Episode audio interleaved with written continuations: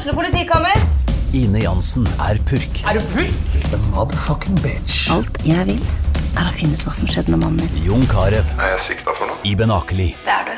Ole So, Lars Berrum og Big Daddy Karsten. Hvem sin side er du på, egentlig? Anette Hoff, Tone Danielsen, Kommer du fra Afrika? Jørnis Josef, Nesten. Kløfta. Trond Espen Seim, Det er synd å si det, men det var feil mann som døde. Purk. Premiere tirsdag på TV2 Play.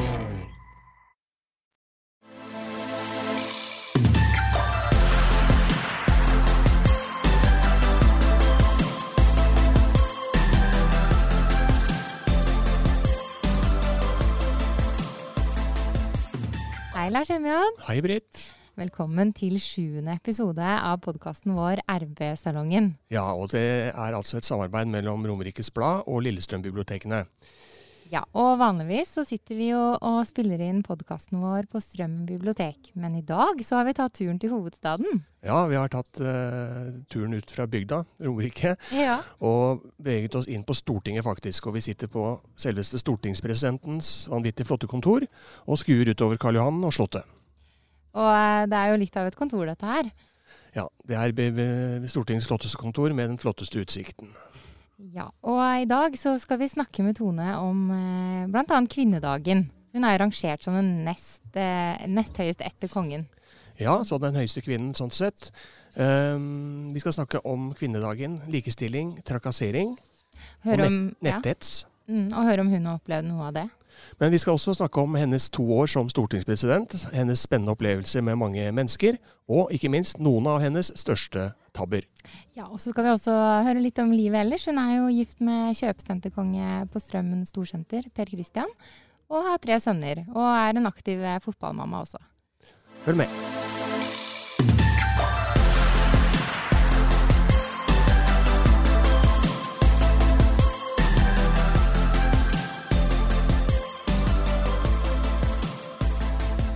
Ja, velkommen til Arbeidssalongen, stortingspresident fra Grunnlovsbygda, Tone Wilhelmsen Trøen. Tusen takk. Og så får vi si tusen takk for at vi kom hit på kontoret ditt på Stortinget. Ja, det er veldig stort å sitte her og tenke på alle som har sittet rundt dette bordet før oss. Ja, det er et veldig- fantastisk kontor. Ja. Stort kontor. Og veldig gøy å få lov å låne det noen år, da, som jeg gjør nå. Det skjønner jeg. Og du har lånt det nå i to år, eh, og i disse dager er det omtrent eh, to år siden du, du fikk forespørselen om å bli stortingspresident. Og hvor var du da du ble bedt om å bli stortingspresident? Da var jeg på en buss sammen med resten av familie- og kulturkomiteen, for jeg var jo leder av den komiteen i, eh, i 2018, eller etter valget i 2017. Da. Så jeg var på en buss um, i gatene på Hamar. og i ettertid så sier eh, de andre gode kollegaene mine der fra alle partier at jeg blei veldig stille den kvelden. Du ble veldig stille. Hva var det som raste gjennom hodet ditt da? Da hadde du vært altså Du hadde hatt en og en halv periode bak deg på Stortinget. Eh, og så skal du bli stortingspresident. Nei, altså jeg, jeg må jo være helt ærlig og si at uh, akkurat på det tidspunktet så hadde det jo vært veldig stor oppmerksomhet rundt Stortinget og Stortingets uh, store uh, byggeprosjekt. Så um, selvfølgelig var det det første jeg tenkte på. Skal jeg være den som tar det videre? Uh, og vi uh, var som sagt på komitéreise i Hedmark, og vi overnatta på Elgstua på um, på Elverum. Og, og jeg må bare ærlig innrømme at jeg lasta ned Riksrevisjonens rapport om byggeprosjektet den kvelden. Ja. Gikk litt tidlig og la meg etter middag, og lå og skumma og leste litt på den for å liksom vite helt hva det var jeg, hva jeg gikk inn i. da. Men eh, jeg tenker på altså, stortingspresident, det er jo litt sånn viss eh, klang over, over det ordet. Uh, gikk du inn, og, hvem, ringte du mannen din, f.eks.? Ja, selvfølgelig. Jeg ringer jo alltid på Christian. Han er jo den uh, viktigste rådgiveren uh, jeg har. og, så jeg ringte han, og så ringte jeg unga, de tre sønnene våre. Fordi de kommer ofte med litt sånn andre typer råd, da, har litt andre innfallsvinkler. Så der fikk jeg tre, tre forskjellige tilbakemeldinger. men alle tre sa Mutter'n, hvis du syns eh, dette kan passe, så må du bare gønne på. Bare gønne på. Hva sa Per Christian da? Ja, Per Kristian eh, er jo alltid veldig, eh, veldig eh, klok, så han, eh, han gikk først litt igjennom eh, liksom, hva var utfordringene. eh, og han var nok litt bekymra for dette at jeg skulle få den store oppgaven med å dra i land byggeprosjektet. Det, mm. det var han. Men, uh, men han avslutta på samme måte som de andre. Han sa hvis du har lyst på dette, uh, og du tror at dette er noe du kommer til å trives med uh, og beherske, så er det bare å kjøre på. Ja, Per Christian, da er Per Christian Trøen han er altså sjef på Strømmen Storsenter. Har også vært gjest i RB-salongen tidligere. Så for eventuelt nye lesere, eller lyttere, som ja. det kanskje heter på podkast. Episode to, tror jeg det var. Ja. ja. Uh, har du i løpet av disse to årene angra på at du tok det vervet? Nei, det har jeg ikke. Nei. Uh, men jeg skal ærlig innrømme at i starten så var det veldig annerledes å være stortingspresident enn å være stortingsrepresentant. Fordi vi er jo valgt inn her fordi vi, vi, brenner for politikk, vi brenner for å finne gode løsninger på de utfordringene som er i folks hverdag. Eh, så det var, en, det var en litt sånn overgangsperiode hvor jeg måtte venne meg av å være eh, veldig politiker til å bli en som representerte hele Stortinget. Og det er jo utrolig viktig at stortingspresidenten gjør. Det er bare én som det er plass til på den stolen da, når Stortinget representeres utad. Og det er den stolen da jeg sitter på. Og da må jeg representere alle. Så det er jeg veldig opptatt av. Eh, Britt, det er 8. mars og kvinnedagen, og Tone Trøen er rangert som nummer to i Norge. Tenk på det. rett etter kongen, ja. som vi har uh, utsikt til her bak, uh, bak oss. Ja, vi ser rett på slottet her. Uh, kvinnedagen 8. mars er jo gjerne en dag venstresida liksom har prøvd å ta hevd på. eller har tatt hevd på. Du er høyrepolitiker, selv om du sier du er mer nøytral nå. Uh, men hva betyr den dagen for deg? Nei, den har uh, alltid betydd mye for meg, fordi jeg mener at uh, det å kjempe for kvinners rettigheter, kjempe for kvinners plass i samfunnet, uh, både nasjonalt, men også internasjonalt, det er, uh, det er, et tema som angår oss alle. Det handler ikke om du hører til på den ene eller andre sida av norsk politikk. Det er like viktig for oss alle sammen. og jeg tror vi lykkes best når vi alle jobber for nettopp det. Så jeg har alltid vært opptatt av 8. mars. Jeg har alltid vært opptatt av, av kvinners muligheter også. Jeg har jo vært politiker i veldig mange år. Jeg begynte jo når jeg var 21 år år. Uh, så jeg har jo også kjent på hvordan det var å være kvinne i politikken da, uh, lokalt. Uh, hvor det ikke var så mange unge kvinner som, som var nettopp det. Så det har vært, vært og er en, en viktig dag. og jeg er jo veldig glad for at vi i Norge har kommet langt når det gjelder likestilling, men vi er jo ikke på noen måte ferdig. Blir aldri ferdig. så det må man jobbe for og stå opp for hele tiden. Men eh, hvis du skulle skrevet din parole, da, du, hva skulle stått på den i 8. mars 2020? Jeg mener jo dette med like muligheter for alle. Altså at det at du er Om du er kvinne eller mann, skal egentlig ikke ha noen betydning for hvorvidt du kan ta på deg en oppgave eller kan utføre en jobb eller få de mulighetene som samfunnet gir deg. Eh, og så er det selvfølgelig sånn at eh, vi kan jo ha noen kampsaker nasjonalt. Eh, som for noen handler om lik lønn for likt arbeid. Eh, like muligheter. Eh, det handler jo også om at eh, i like muligheter, da, eh, så handler det jo også om at du skal kunne få eh, komme på jobbintervju om du heter Saida eller om du heter Tone. ikke sant?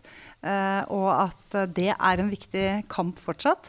Og så internasjonalt så må jeg si at uh, det å jobbe for at uh, kvinners rettigheter står sterkere, særlig i land hvor vi, hvor vi ser at uh, når det er krig eller når det er krise, så er det kanskje kvinners rettigheter som, som utfordres mest. så det opptar meg også veldig. Du nevnte jo før vi starta i dag at et, et spesielt møte med en fredsprisvinner. og det er kanskje Du kan si litt i forlengelsen av det?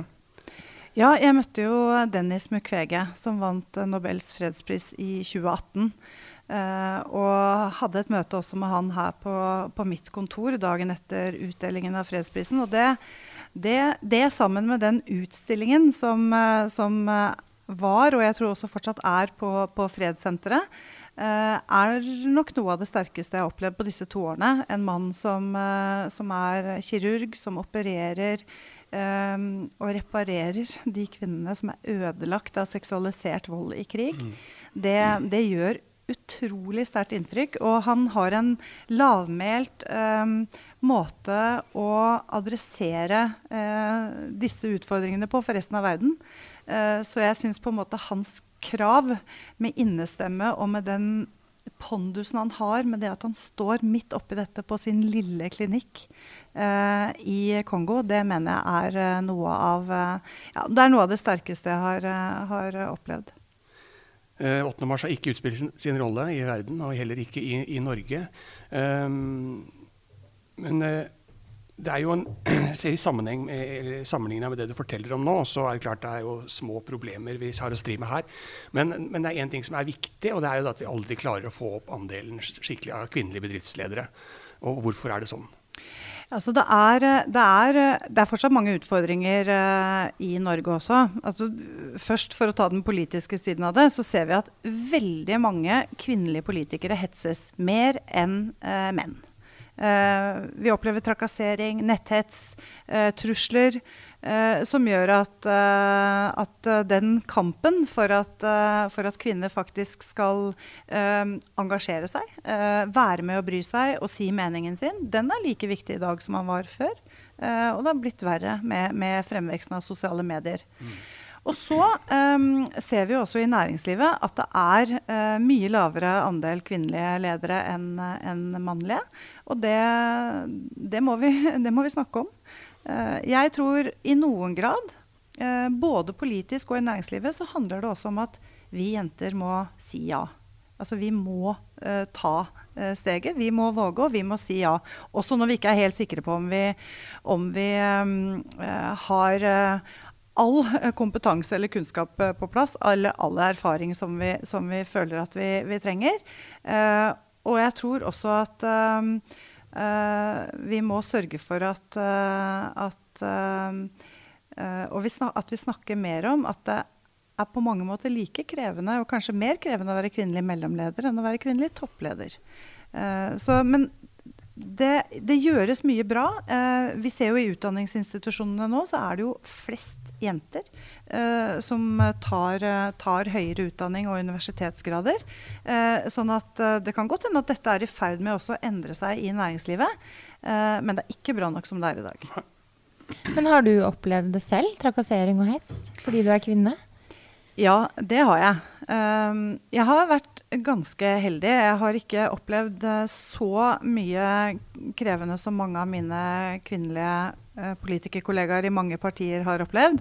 Men jeg har jo opplevd å få anonyme brev uh, med forklaring på hvor udugelig jeg er. Og, ja, du fikk jo et uh, omtrent da du tiltrådte som ja, stortingspresident. Det er riktig. Ja, det har du i skuffen ennå, har du ikke ja, det? Ja, det har jeg i skuffen. Ja. Hva er det det sto der? Nei, det sto jo egentlig Altså, det var jo eh, på en måte en sånn radbrekking av meg som person, da. Mm. At eh, aldri noensinne hadde, hadde liksom dette kontoret blitt bekledd av noen som var så lite kompetent. og eh, ja, at det liksom kom til å skure og gå. Ja, det var, det var veldig mye. Det var, eh, det var men, men men jeg opplevde, opplevde, ikke det som truende. Det var mer trakasserende, for mm. å si det sånn. Uh, jeg opplevde jo eh, for mange mange år siden da jeg kom inn i et uh, styre i et lokalt e-verk, at jeg også fikk liksom ja, er, åh, nå er det lenge siden det har vært en kvinne her. Eller har det egentlig vært en kvinne i styret her? Og, og se ja, gutter, hun har jo pynta seg for oss òg. Så det er, liksom, det er, mange sånne hersketeknikker og sånn som man kanskje utsettes for. Så tror jeg noe må vi bare liksom hive ja. over skulderen og tenke mm. OK, men uh, det får jeg bare skrive på den kontoen, for at uh, da hadde du vel ikke noe annet uh, akkurat nå å, å komme med. Men, men, det som bekymrer meg, er jo den, den effekten hets og trakassering har eh, på de som er i ferd med eh, å ta steg og begynne å engasjere mm. seg. Kanskje de tenker jeg gidder ikke, jeg, jeg, dropper å si det jeg mener på Facebook, eller jeg, jeg, går ikke inn i den debatten, for jeg orker ikke å utsette meg for det. Og det taper vi jo på som samfunn. De, alle de stemmene som stilner fordi noen på en måte truer deg til stillhet, det, det er jo med på å gjøre samfunnsdebatten mye fattigere. Du, jo, du har jo fortalt den historien om det brevet i spalta di i Romerikes Blad. Så du kan bare lure på hva som får med, folk til å, å skrive sånt. Altså, uh, og, ja. Det skjer jo hver dag i, i kommentarfeltene. Også, ja, Det er ikke lenge siden jeg ble kalt et naut uh, på en, et kommentarfelt. og at, uh, ja, Hvor det liksom det dro helt ut mm. uh, i at jeg ble beskyldt for ja, de uhyrligste ting egentlig på et kommentarfelt, som senere faktisk ble, ble, ble fjerna. Og det er jo jeg, jeg har jo dette som heltidsjobb nå. eh, og jeg har et apparat rundt meg, og jeg har et parti som tar vare på meg. Og det er jo veldig mange som har her inne. Men tenk på de som ikke har det. Det er jo det, er jo det vi virkelig skal være bekymra for med den, med den uh, samfunnsdebatten som innimellom tar helt av i forhold til hets og trakassering. Eh, som kan gjøre at mange bare dropper å, å være engasjert. Og det, det bekymrer meg skikkelig. Mm, kan man få gjort noe med det? Jeg tror vi må, vi må, snakke om det. Og så kan vi gå inn og være litt sånn helter for hverandre. Eh, jeg tror at eh, flere innimellom må ta en liten dugnad da, med å være med å kommentere i, eh, i kommentarfeltene. Det kan være litt skummelt, og det kan være litt krevende. fordi ofte så foregår jo de debattene på den tiden av døgnet hvor kanskje mange tenker at nå legger jeg bort PC-en og slapper av litt. Men jeg tror vi må stille litt opp for hverandre. Og, og faktisk gå inn og korrigere noen ganger det som, det som det som skrives. Mm. Men ja, Du sa her også før vi startet at uh, du har hatt veldig mange statsledere på besøk på dette kontoret. Og det har bare vært én av dem som har vært kvinne. Det, er, uh, det var Theresa May. Ja. ja. Hva tenker du om det? Nei, det er jo, det er jo ganske pussig mm. at jeg i løpet av disse to årene, da, eh, med veldig veldig mange besøk um, Ambassadører eh, til Norge har jeg også besøk av, og mange av de er kvinner, altså. Men av, av statsledere og toppledere så har det kun vært Theresa May. Og det som er kanskje enda morsommere, da, for å si det sånn. Eller det som på en måte eh, gjør det enda mer poengtert og tydelig, det er jo når de kommer hit til Norge, så møter de jo statsministeren, som er kvinne. Og så møter de utenriksministeren, som er kvinne. Og så kommer de hit til meg. Eh, og så er jo også Stortingets direktør kvinne. Og så hender det jo veldig ofte at jeg følger de opp til utenrikskomiteen. Og der står jo Anniken Huitfeldt fra Jessheim som leder av utenrikskomiteen og tar imot. Og da er det flere enn én en som har snudd seg rundt til meg og sagt liksom eh, Er det bare kvinner som styrer dette landet? Og det er jo veldig fristende å si ja. Men blir du ikke litt stolt da? Eller? Ja, jeg gjør det. Jeg det var lenge, lenge til at Høyesterettsjustitiarius, hvis jeg klarte å uttale det, også er kvinne nå. Vår første, Toril Marie Øie. Så det er jo bare damer som styrer ja. landet. Og det, er det, altså. det går jo ganske greit. Ja, Gjør det ikke det? jo. Syns vi bare skal fortsette sånn. Jeg synes, Menn har jo hatt mange år på seg til å, til å rulle den banen alene, så jeg tror, går, jeg tror, det går, greit. Og så er det en del menn som også styrer, men akkurat i disse, disse, veldig synlige posisjonene nå, så er det jo mange kvinner. Og det gjør jo også at Norge blir et utstillingsvindu ute. Og jeg møter jo kollegaer fra, fra fra mange andre parlamenter eh, som er interessert i, i, dette. Jeg holder oss en del taler når vi møtes i, i europeiske sammenhenger knytta til, eh, til, kvinners eh, rolle i politikk da, i Norge. Og så henger det jo bare bilder av kvinner på dette kontoret. Hvorfor det? Nei, det er jo en morsom historie. Ja. fordi uh, Den første kvinnelige stortingspresidenten var Kirsti Kolle Grøndal. Og den første gangen hun var inne på kontoret her og drakk kaffe med meg, da, som jeg satte veldig stor pris på, at hun gjorde, fordi det er noe å dele litt erfaringer, så var det første hun sa nei, men maleriene henger fortsatt. Da viste det seg at hun hadde satt som krav da når hun flyttet inn på dette kontoret, at her skulle det bare henge malerier med uh, kvinner som, uh, på, som, motiv. da. Så det syns jeg er bra. Det er ingen av de mannlige etterpå som har våget å nei. bytte de ut heller. så bra. Men um, er det noen gang du skulle ønske at du var mann? Nei, det spørsmålet har jeg aldri fått. Det har jeg aldri tenkt over engang. Eller at det har vært lettere, da. Nei det, jeg, nei, det må jeg, ærlig innrømme at det har jeg aldri, har jeg aldri egentlig tenkt. Um, men så har jeg, jeg tror jeg var veldig heldig som ble oppdratt av foreldre. Selv om de var ganske gamle når de fikk meg, og mine søsken er mye eldre enn meg, så, så var det, det var liksom aldri noe tema at ikke jeg kunne gjøre ting f.eks. For fordi jeg var jente eller kvinne. da. Så jeg har egentlig aldri det har jeg aldri tenkt på. Det er jo egentlig veldig bra. Ja. Men eh, siden du dro inn det med foreldrene dine, sånn, så tenkte jeg vi skulle gå litt inn på barndommen din. da, For å bli litt bedre kjent med deg. Um, så du er attpåklatt, da? Ja, veldig. Ja. Søsteren min er 14 år eldre enn meg, og broren min er 17 år eldre enn meg. Og så kom du. Så kom jeg. Ja. Så jeg hadde egentlig vokst opp med tre foreldre, da. ja. Men, eh, for tre par foreldre. Ja, for Hva slags forhold hadde Du sa moren din var uh, eller gamle foreldre. Hvor gamle var du når du fikk deg da? Ja, altså de, den gangen var de jo gamle. Ja, men uh, mamma var 36 da, oh, ja. og pappa 37-38. Nå er det jo ikke sånn, men da var det altså seriøst ikke mange som hadde så gamle foreldre. Hva, betydde, hva, hva, hva, hva betydde kvinnedagen for moren din? Um, det eh, tror jeg egentlig ikke vi snakket så veldig mye om. Mamma og pappa var ikke særlig politisk aktive. Eh, så jeg er egentlig ikke vokst opp i noe hjem eh, med masse politiske diskusjoner. De, diskuterte jo på en måte samfunn, altså Vi var opptatt av samfunnsdebatten og sånn. Men uh, moren min gikk aldri i, i 8. mars-tog, for å si det sånn. Så, så, det jeg, jeg, tror jeg har heller tenkt på at den oppdragelsen jeg fikk, handlet om at bruk de mulighetene, grip de mulighetene du får. Og um, ta sjansen hvis noen spør deg om, uh, om, du skal stille opp på noe. Så um, jeg føler vel kanskje at gjennom det så har de gitt meg på en måte det push og de signalene om at uh, det er bare å prøve. Du mm. finner ut om du får det til. Så da skjønner jeg hvorfor du sa ja til å bli stortingspresident. Ja. ja. Du, er, du er litt, uh, har du ikke Pippi som litt forbilde? jo, det var noen av venninnene mine som sa det. Ja.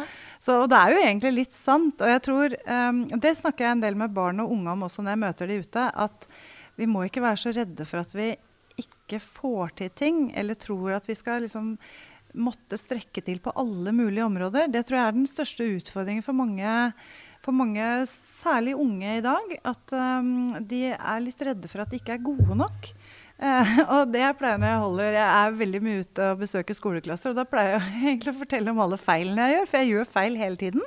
Også i denne rollen her. Men det går fint. Det er ingen av oss som er liksom uh, helt feilfrie. Uh, og det å liksom slappe av litt med det prestasjonsjaget og tenke at jeg gjør så godt jeg kan Det betyr jo ikke at ikke man liksom skal forberede seg og ha litt sånn nerver og sånn. Det har jeg også. Og jeg jobber veldig ofte mye med forberedelser. Men jeg går liksom ikke i kjelleren om jeg ja, snubler litt eller gjør Du må dele litt med oss, da. Hva har du Du har jo ganske Du holder jo tale for kongen, og du gjør jo ganske mye store ting. Ja. Har du tabba altså, deg ut noen ganger? Ja, jeg har, jeg har tabba meg ut uh, ofte, jeg. Um, jeg. jeg. fikk plutselig for meg jeg skulle møte den danske dronningen, dronning Margrethe, i hennes um, uh, eller i Slottet da, i, um, på Amalienborg i København. Og da hadde jeg liksom plutselig fått for meg at jeg skulle neie litt sånn dypt, som kongelige gjør. da. Jeg har jo lært sånn veldig sånn knikseneiing av mammaen min. ikke sant? Ja. Så holdt jeg på å falle. På skli. Det var så innmari glatt gulv. Ja. Så det husker jeg jo veldig godt. Det gjør kanskje hun også. Ja. Um, jeg klarte jo jeg klarte også når jeg skulle um, Eh, gi en liten gave til et uh, besøk jeg hadde på kontoret her. Så klarte jeg jeg skulle gi mansjettknapper av Romerikssølvet. Så sa jeg det på engelsk, og så sa jeg at jeg, I'm so happy to give you these handcuffs, som da betyr håndjern. Hva slags stortingspresident har de i Norge, tenkte jeg vedkommende da. Hvordan reagerte du da? Nei, altså tok jeg meg veldig ja. fort i det, da. Men uh, vet du hva, vi er alle mennesker, altså. Jeg gjør jo ikke feil hele tiden, heldigvis. Um, men uh, jeg tror vi må gi hverandre litt slack noen ganger. Og ikke være så redde for å vise at vi, vi kan gjøre feil. Uh, men selvfølgelig skal ikke det være regelen. Mm. Eh, apropos feil, altså, vi må jo komme inn på det. Vi har vært inne på det. Du tok over etter Olemic Thommessen. Eh, han måtte gå av pga. byggeskandalen. Og hvordan står det til med, med, den nå? Er alt under kontroll? Ja, nå er, vi, nå er, vi, så nær vi kan være å sette to streker under svaret når det gjelder uh, byggeregnskapet. Bygget har vært ferdig i, i over et år. Eh, det er jo et stort um, renoveringsprosjekt i det store bygget som heter Prinsens gate 26, der hvor Halvorsens konditori også ligger. Uh, som er kjent i bybildet. Uh, ligger på andre siden av Wessels plass, da, som er uh, utenfor Stortinget. Um, det har vært i bruk nå i over et år. og den, den tunnelen ut av stortingsgarasjen Noen tror at vi har bygd ny garasje. Det har vi jo ikke. Vi har bygd en, eh, en tunnel ut av uh, garasjen og et uh, sikret post- og varemottak. Mye av disse um, kostnadene som, uh, som, kom på det prosjektet etter hvert, er jo knytta til sikkerhetsvurderinger som er foretatt for å bygge i dag, sikre bygg. Men nå er vi nå er vi så nær vi kan å være helt ferdig. Og um, det prosjektet som da til slutt fikk en kostnadsramme på 2,3 milliarder i juni 2018, etter at jeg eh, hadde overtatt denne rollen. Eh, der har vi nå sagt at vi, vi eh, leverer i hvert fall 225 millioner under det, den kostnadsrammen. Så, sånn sett er vi jo kommet godt i mål. Men prosjektet i seg selv har jo vært veldig krevende, veldig komplisert. Og, og har jo vært en, en skandale for, uh, for oss. Og, og svekket uh, omdømmet og tilliten til Stortinget som institusjon. Og det har jeg jo uh, sagt at det er noe av det viktigste å jobbe for nå og fremover, er å, å bygge opp igjen den tilliten. Det ikke alle vet, er at Stortinget det er ikke bare stortingsbygningen. Det er mange tilstøtende herligheter både over og under bakken. Mm. Så det er um, det som har vært så kostnadskrevende der. Men du, jeg lurer litt på, Tone. Eh, hvordan kommer du deg til jobb, egentlig? Du bor jo i Eidsvoll. Ja. Og når møter du opp her? Jeg tar toget. Du tar toget? Ja. Wow. Så jeg tar tog. Vi har jo veldig god togforbindelse fra Eidsvoll til, eh, til, Oslo. Så jeg tar uh, toget nesten hver dag. Jeg har en liten hybel i Oslo, fordi jeg må vel ærlig innrømme at dette er ikke en sånn helt åtte til fire-jobb. Så jeg jobber ofte veldig mye. Så, så, jeg sover eh, noen netter i uka i Oslo. Men jeg, jeg har månedskort og tar, eh, tar, toget. toget. Miljøbevisst. Ja. Så stortingspresidenten har ikke sånn svart bil med Sota-ruter, altså?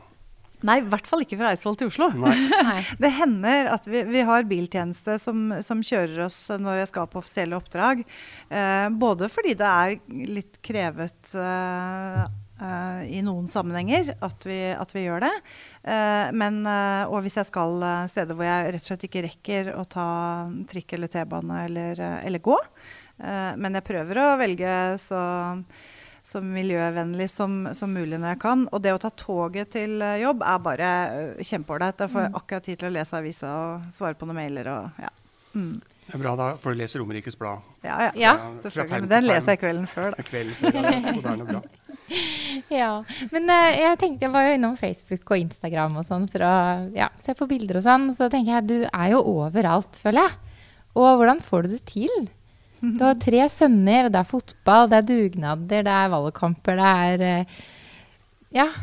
Jeg, ja, det ser ut som det er overalt. Ja, det er jo så vidt ganske store, gutta dine nå, men altså, du kom inn i 2013 her på Stortinget. Og, mm. og mannen din har også en travel jobb. og så mm. Hvordan får du til å gå i hop? Det er vel det vi egentlig spør om. Ja, ja.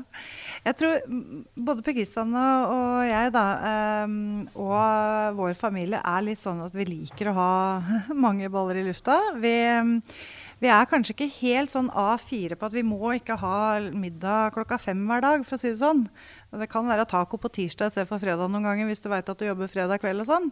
Um, det har egentlig vært innstillingen til, eh, til oss hele veien. Uh, og så går jo livet litt sånn i faser, så det er klart at um, jeg har det jo ganske travelt nå, og jeg får på en måte fylt veldig mye inn i uka mi. Men jeg må jo være så ærlig som å si at den perioden hvor hadde tre, vi hadde tre små barn eh, Og Per Kristian hadde jo hatt den samme jobben i mange år, så han hadde jo ansvaret for uh, Strømmen storsenter. Jeg jobba fullt i privat næringsliv pluss var lokalpolitiker på si. Og hadde alle gutta da aktive både på musikk og fotball og ski og håndball, jeg vet ikke hva det var, det, det er travlere. Mm. Altså det å være småbarnsforeldre og samtidig stå i full jobb, kanskje være politiker eller ha noe annet frivillig arbeid i tillegg, er jo perioder som du liksom tenker litt tilbake på. Liksom, hvordan gikk det?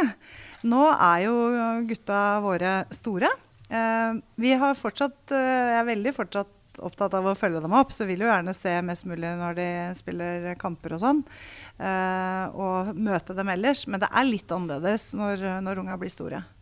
Mm. Jeg så Fjor var jo ganske eh, morsomt år for dere. Så, eller sånn, så veldig vellykka ut, da. For det har jo eh, han eldste din gifta seg.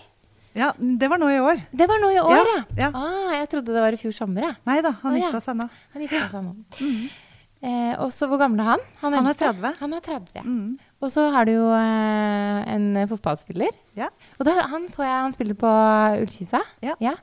Han så jeg du hadde hatt en sånn quiz på TV2, sånn fotballquiz eller noe. Og da sa han at han ville bli statsminister. Ja, skikkelig ambisjoner, da. Ja, han har, for han er også høyrepolitiker. Ja, ja. Han, det var veldig overraskende for meg da, at han eh, hadde lyst til å gå den veien. Jeg trodde kanskje han så hvor mye tid eh, jeg brukte på politikk når jeg drev i kommunestyret. Men han, eh, han hadde lyst til det. Nå er det litt vanskelig for han akkurat å kombinere det med, med fotball og, og, fullføre studier. Nå er han jo mm. til og med blitt ganske alvorlig skada også. Ja, det så jeg. Ryke i korsbåndet. Ja. ja.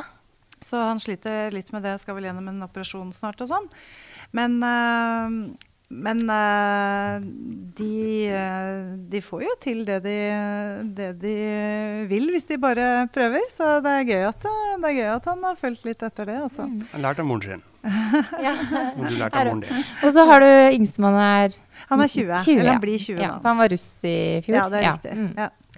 Ja. Så de begynner jo å bli store, da. Ja da, de Ja. gjør det. Men jeg er veldig, jeg er veldig sånn hønemor. Altså. Jeg, er, eh, jeg er litt um, over gjennomsnittet bekymra hele tida. Er du det? Ja, jeg er Ja. ikke sånn liksom, nå må du huske på å ta på ullsokker og sånn, men jeg er veldig sånn Vil gjerne ha en tekstmelding om at jeg har kommet seg hjem fra fest, og han som bor hjemme ennå, han plages av tekstmeldinger flere ganger i løpet av natta hvis jeg våkner, altså. Jeg må liksom vite at jeg har kontroll på dem. Jeg, der er jeg litt for overbeskyttende, kanskje, men jeg har prøver å si til dem at det er fordi jeg er glad i dem. håper jeg blir tilgitt. Men du, eh, så så jeg at uh, du hadde lagt ut at um, det var sju år siden du jobba som sykepleier. For du er jo egentlig utdanna sykepleier. Og så var det spesiell grunn til at du ble sykepleier. Hvorfor det? Jeg starta på sykepleierutdanning i 2008, og det var eh, tre år etter at jeg ble operert eh, hvor jeg fjerna hele tykktarmen min. Fordi jeg hadde levd i mange år med en kronisk lidelse som heter ulcerøs kolitt. Og jeg var veldig dårlig de siste årene. Så fra 2003 til 2005 så hadde jeg en veldig tøff uh, situasjon. Jeg, jeg klarte jeg hadde en veldig ålreit uh, arbeidsgiver, uh, Mathisen og Verk på, på Eidsvoll, så jeg, jeg klarte faktisk å jobbe samtidig som jeg var veldig dårlig. Um, men, uh, men jeg fikk ikke gjort så veldig mye annet. Og så når jeg da liksom litt sånn Høres litt sånn svulstig ut, men jeg følte på en måte at jeg fikk litt tilbake livet mitt når jeg hadde blitt operert da, og fått orden på, på det tarmsystemet. Eh, Så mm, hadde jeg litt lyst til å gjøre noe nytt. eh, og ta utdanning. Jeg gifta meg eh, første gang veldig tidlig. Jeg var 21 år og fikk uh, eldstemann da jeg var 23, så jeg tok ikke så veldig mye utdanning etter videregående. Eh, tatt en del fag på BI og sånn eh, underveis i sånn arbeidslivet. Men jeg hadde lyst til å ta utdanning. Og så var det et eller annet som gjorde at jeg hadde lyst til å bli sykepleier. Jeg hadde jo en veldig interesse sånn også politisk for helse- og omsorgstjenesten. Alltid vært veldig opptatt av helsetjenesten i, i landet vårt, egentlig.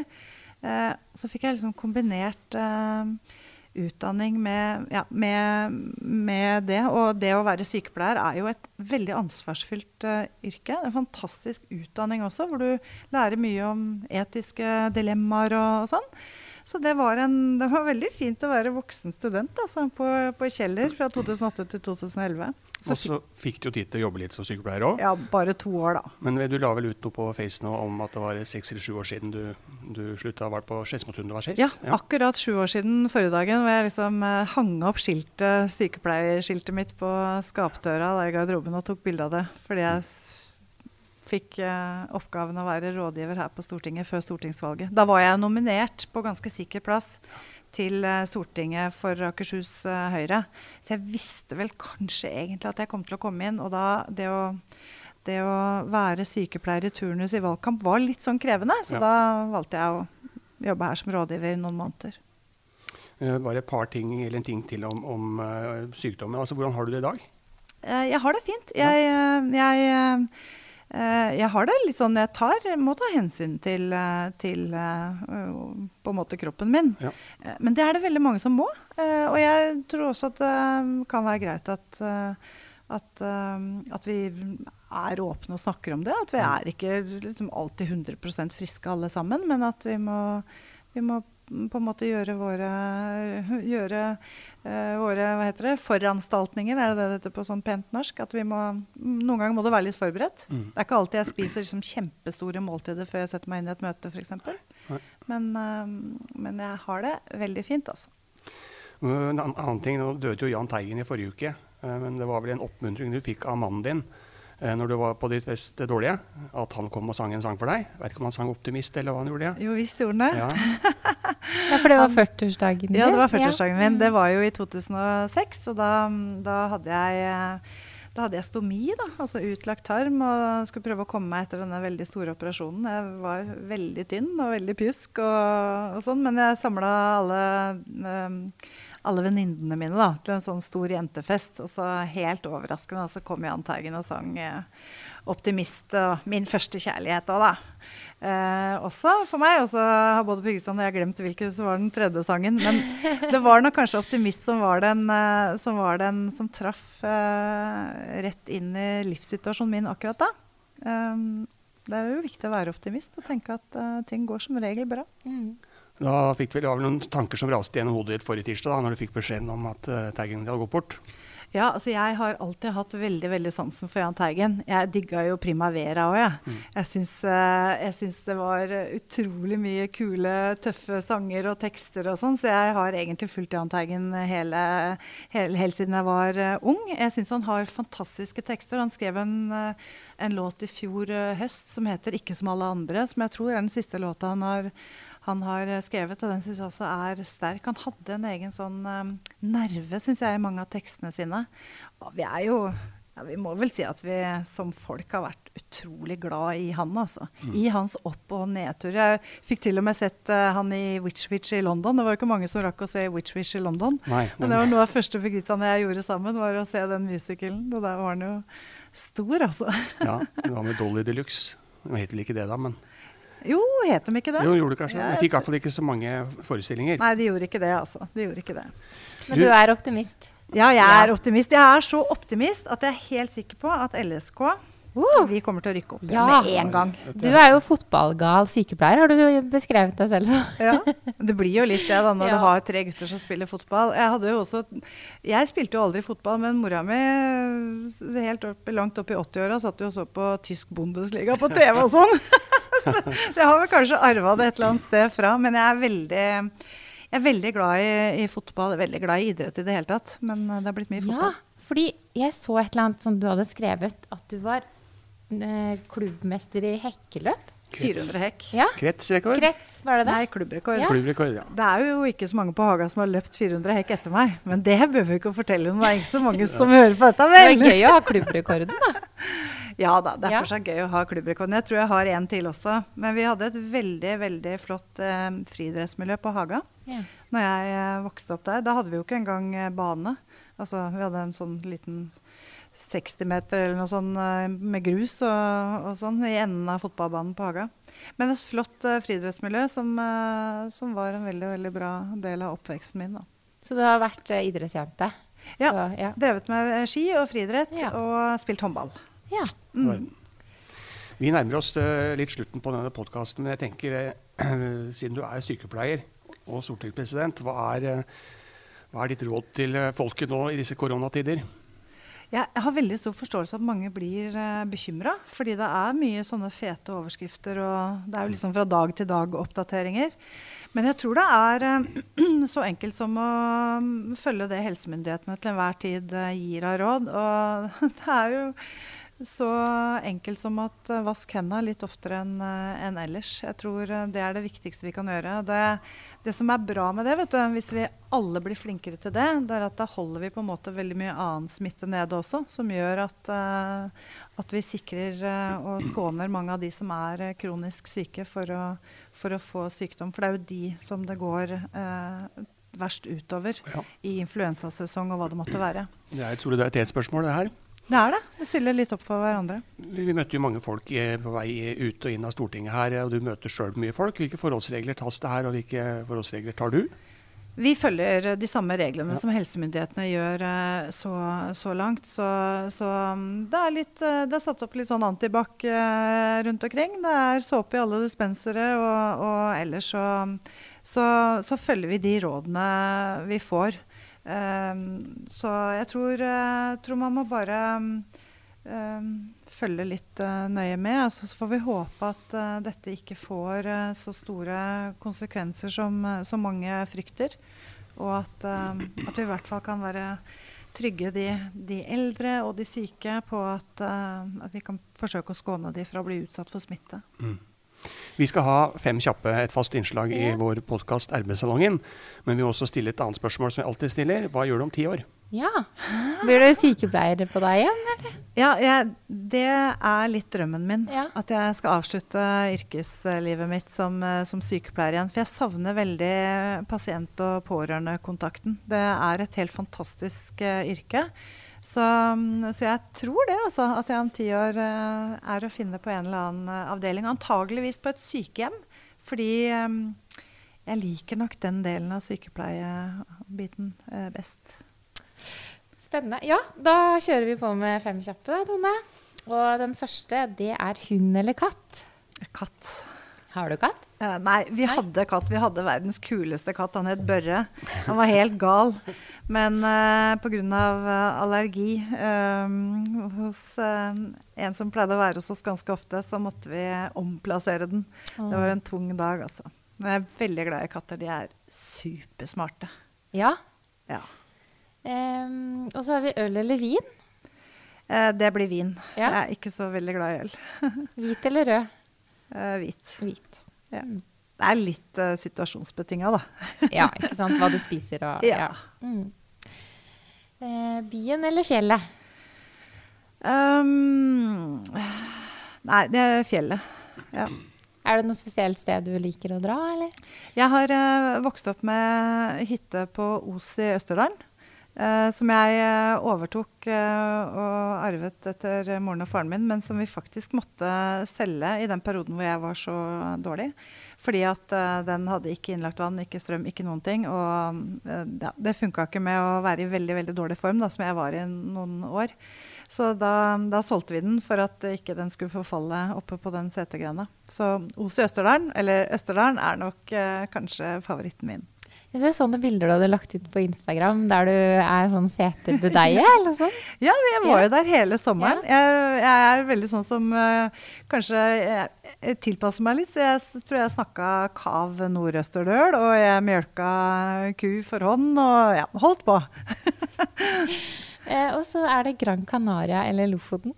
Lofoten? Men det høres litt sånn innmari dumt ut, for jeg har aldri vært i Lofoten. Men jeg har vært én gang på Gran Canaria bare også. Så derfor må det jo bli Lofoten. Ja. Mm. Og til slutt, da. Eh, kjøtteter eller vegetarianer? Um, jeg eh, spiser kanskje mindre kjøtt enn før, men jeg hadde ikke klart meg helt uten. Så jeg kunne ikke vært bare vegetarianer, men jeg er veldig glad i, i mat som har mye grønnsaker i seg. Men uh, det ville vært helt feil å sagt vegetarianer, ja. for jeg må ha litt kjøtt. Men du har noen kjøttfrie middager? Ja, absolutt. Mm. Mm. Ja, da, da har vi bare én ting igjen. I og med ja. at dette er et samarbeid med Lillestrøm-bibliotekene, så må, vil vi gjerne høre stortingspresidentens bokanbefaling. Ja, Det er et kjempevanskelig spørsmål. Det er jo kanskje typisk politiker da, når du egentlig har ti stykker på lista. Men jeg er litt sånn så jeg, jeg sluker bøker. Jeg leser gjerne to samtidig, pluss å har en lydbok som jeg hører på på tog og sånn. Men eh, hvis jeg skal velge én bok som kanskje har betydd mest for meg, så er det en av de første bøkene jeg leste. Og det er Gabriel Scotts bok 'De vergeløse'. Jeg skrev um, hovedoppgave om den på jeg tror det må ha nesten vært på barneskolen. altså. handler om uh, barnevernsbarn uh, som blir utsatt for de verste uh, overgrep og mishandling. Og det gjorde så sterkt inntrykk på meg. Den boka har jeg bare aldri glemt. Tusen takk for det, Tone Trøen. Tusen takk for at du ville være gjest i RB-salongen. Tusen takk. Vi har jo en gave. Ja, vi Fordi, skal feire kvinnedagen. Ja, vi måtte kjøpe Jeg så at du var så glad i Italia. Ja. At det er ferieland nummer én. Ja, det stemmer. Så da ble det en Prosecco. Å, så hyggelig. Ja, for akkurat nå er det ikke så veldig lurt å reise dit heller. Nei, så er den rosa da i anledning Oi. kvinnedagen. Ja, den var kjempefin, altså. Ja, Tusen da kan vi feire litt. Gratulerer med kvinnedagen. Takk i like måte.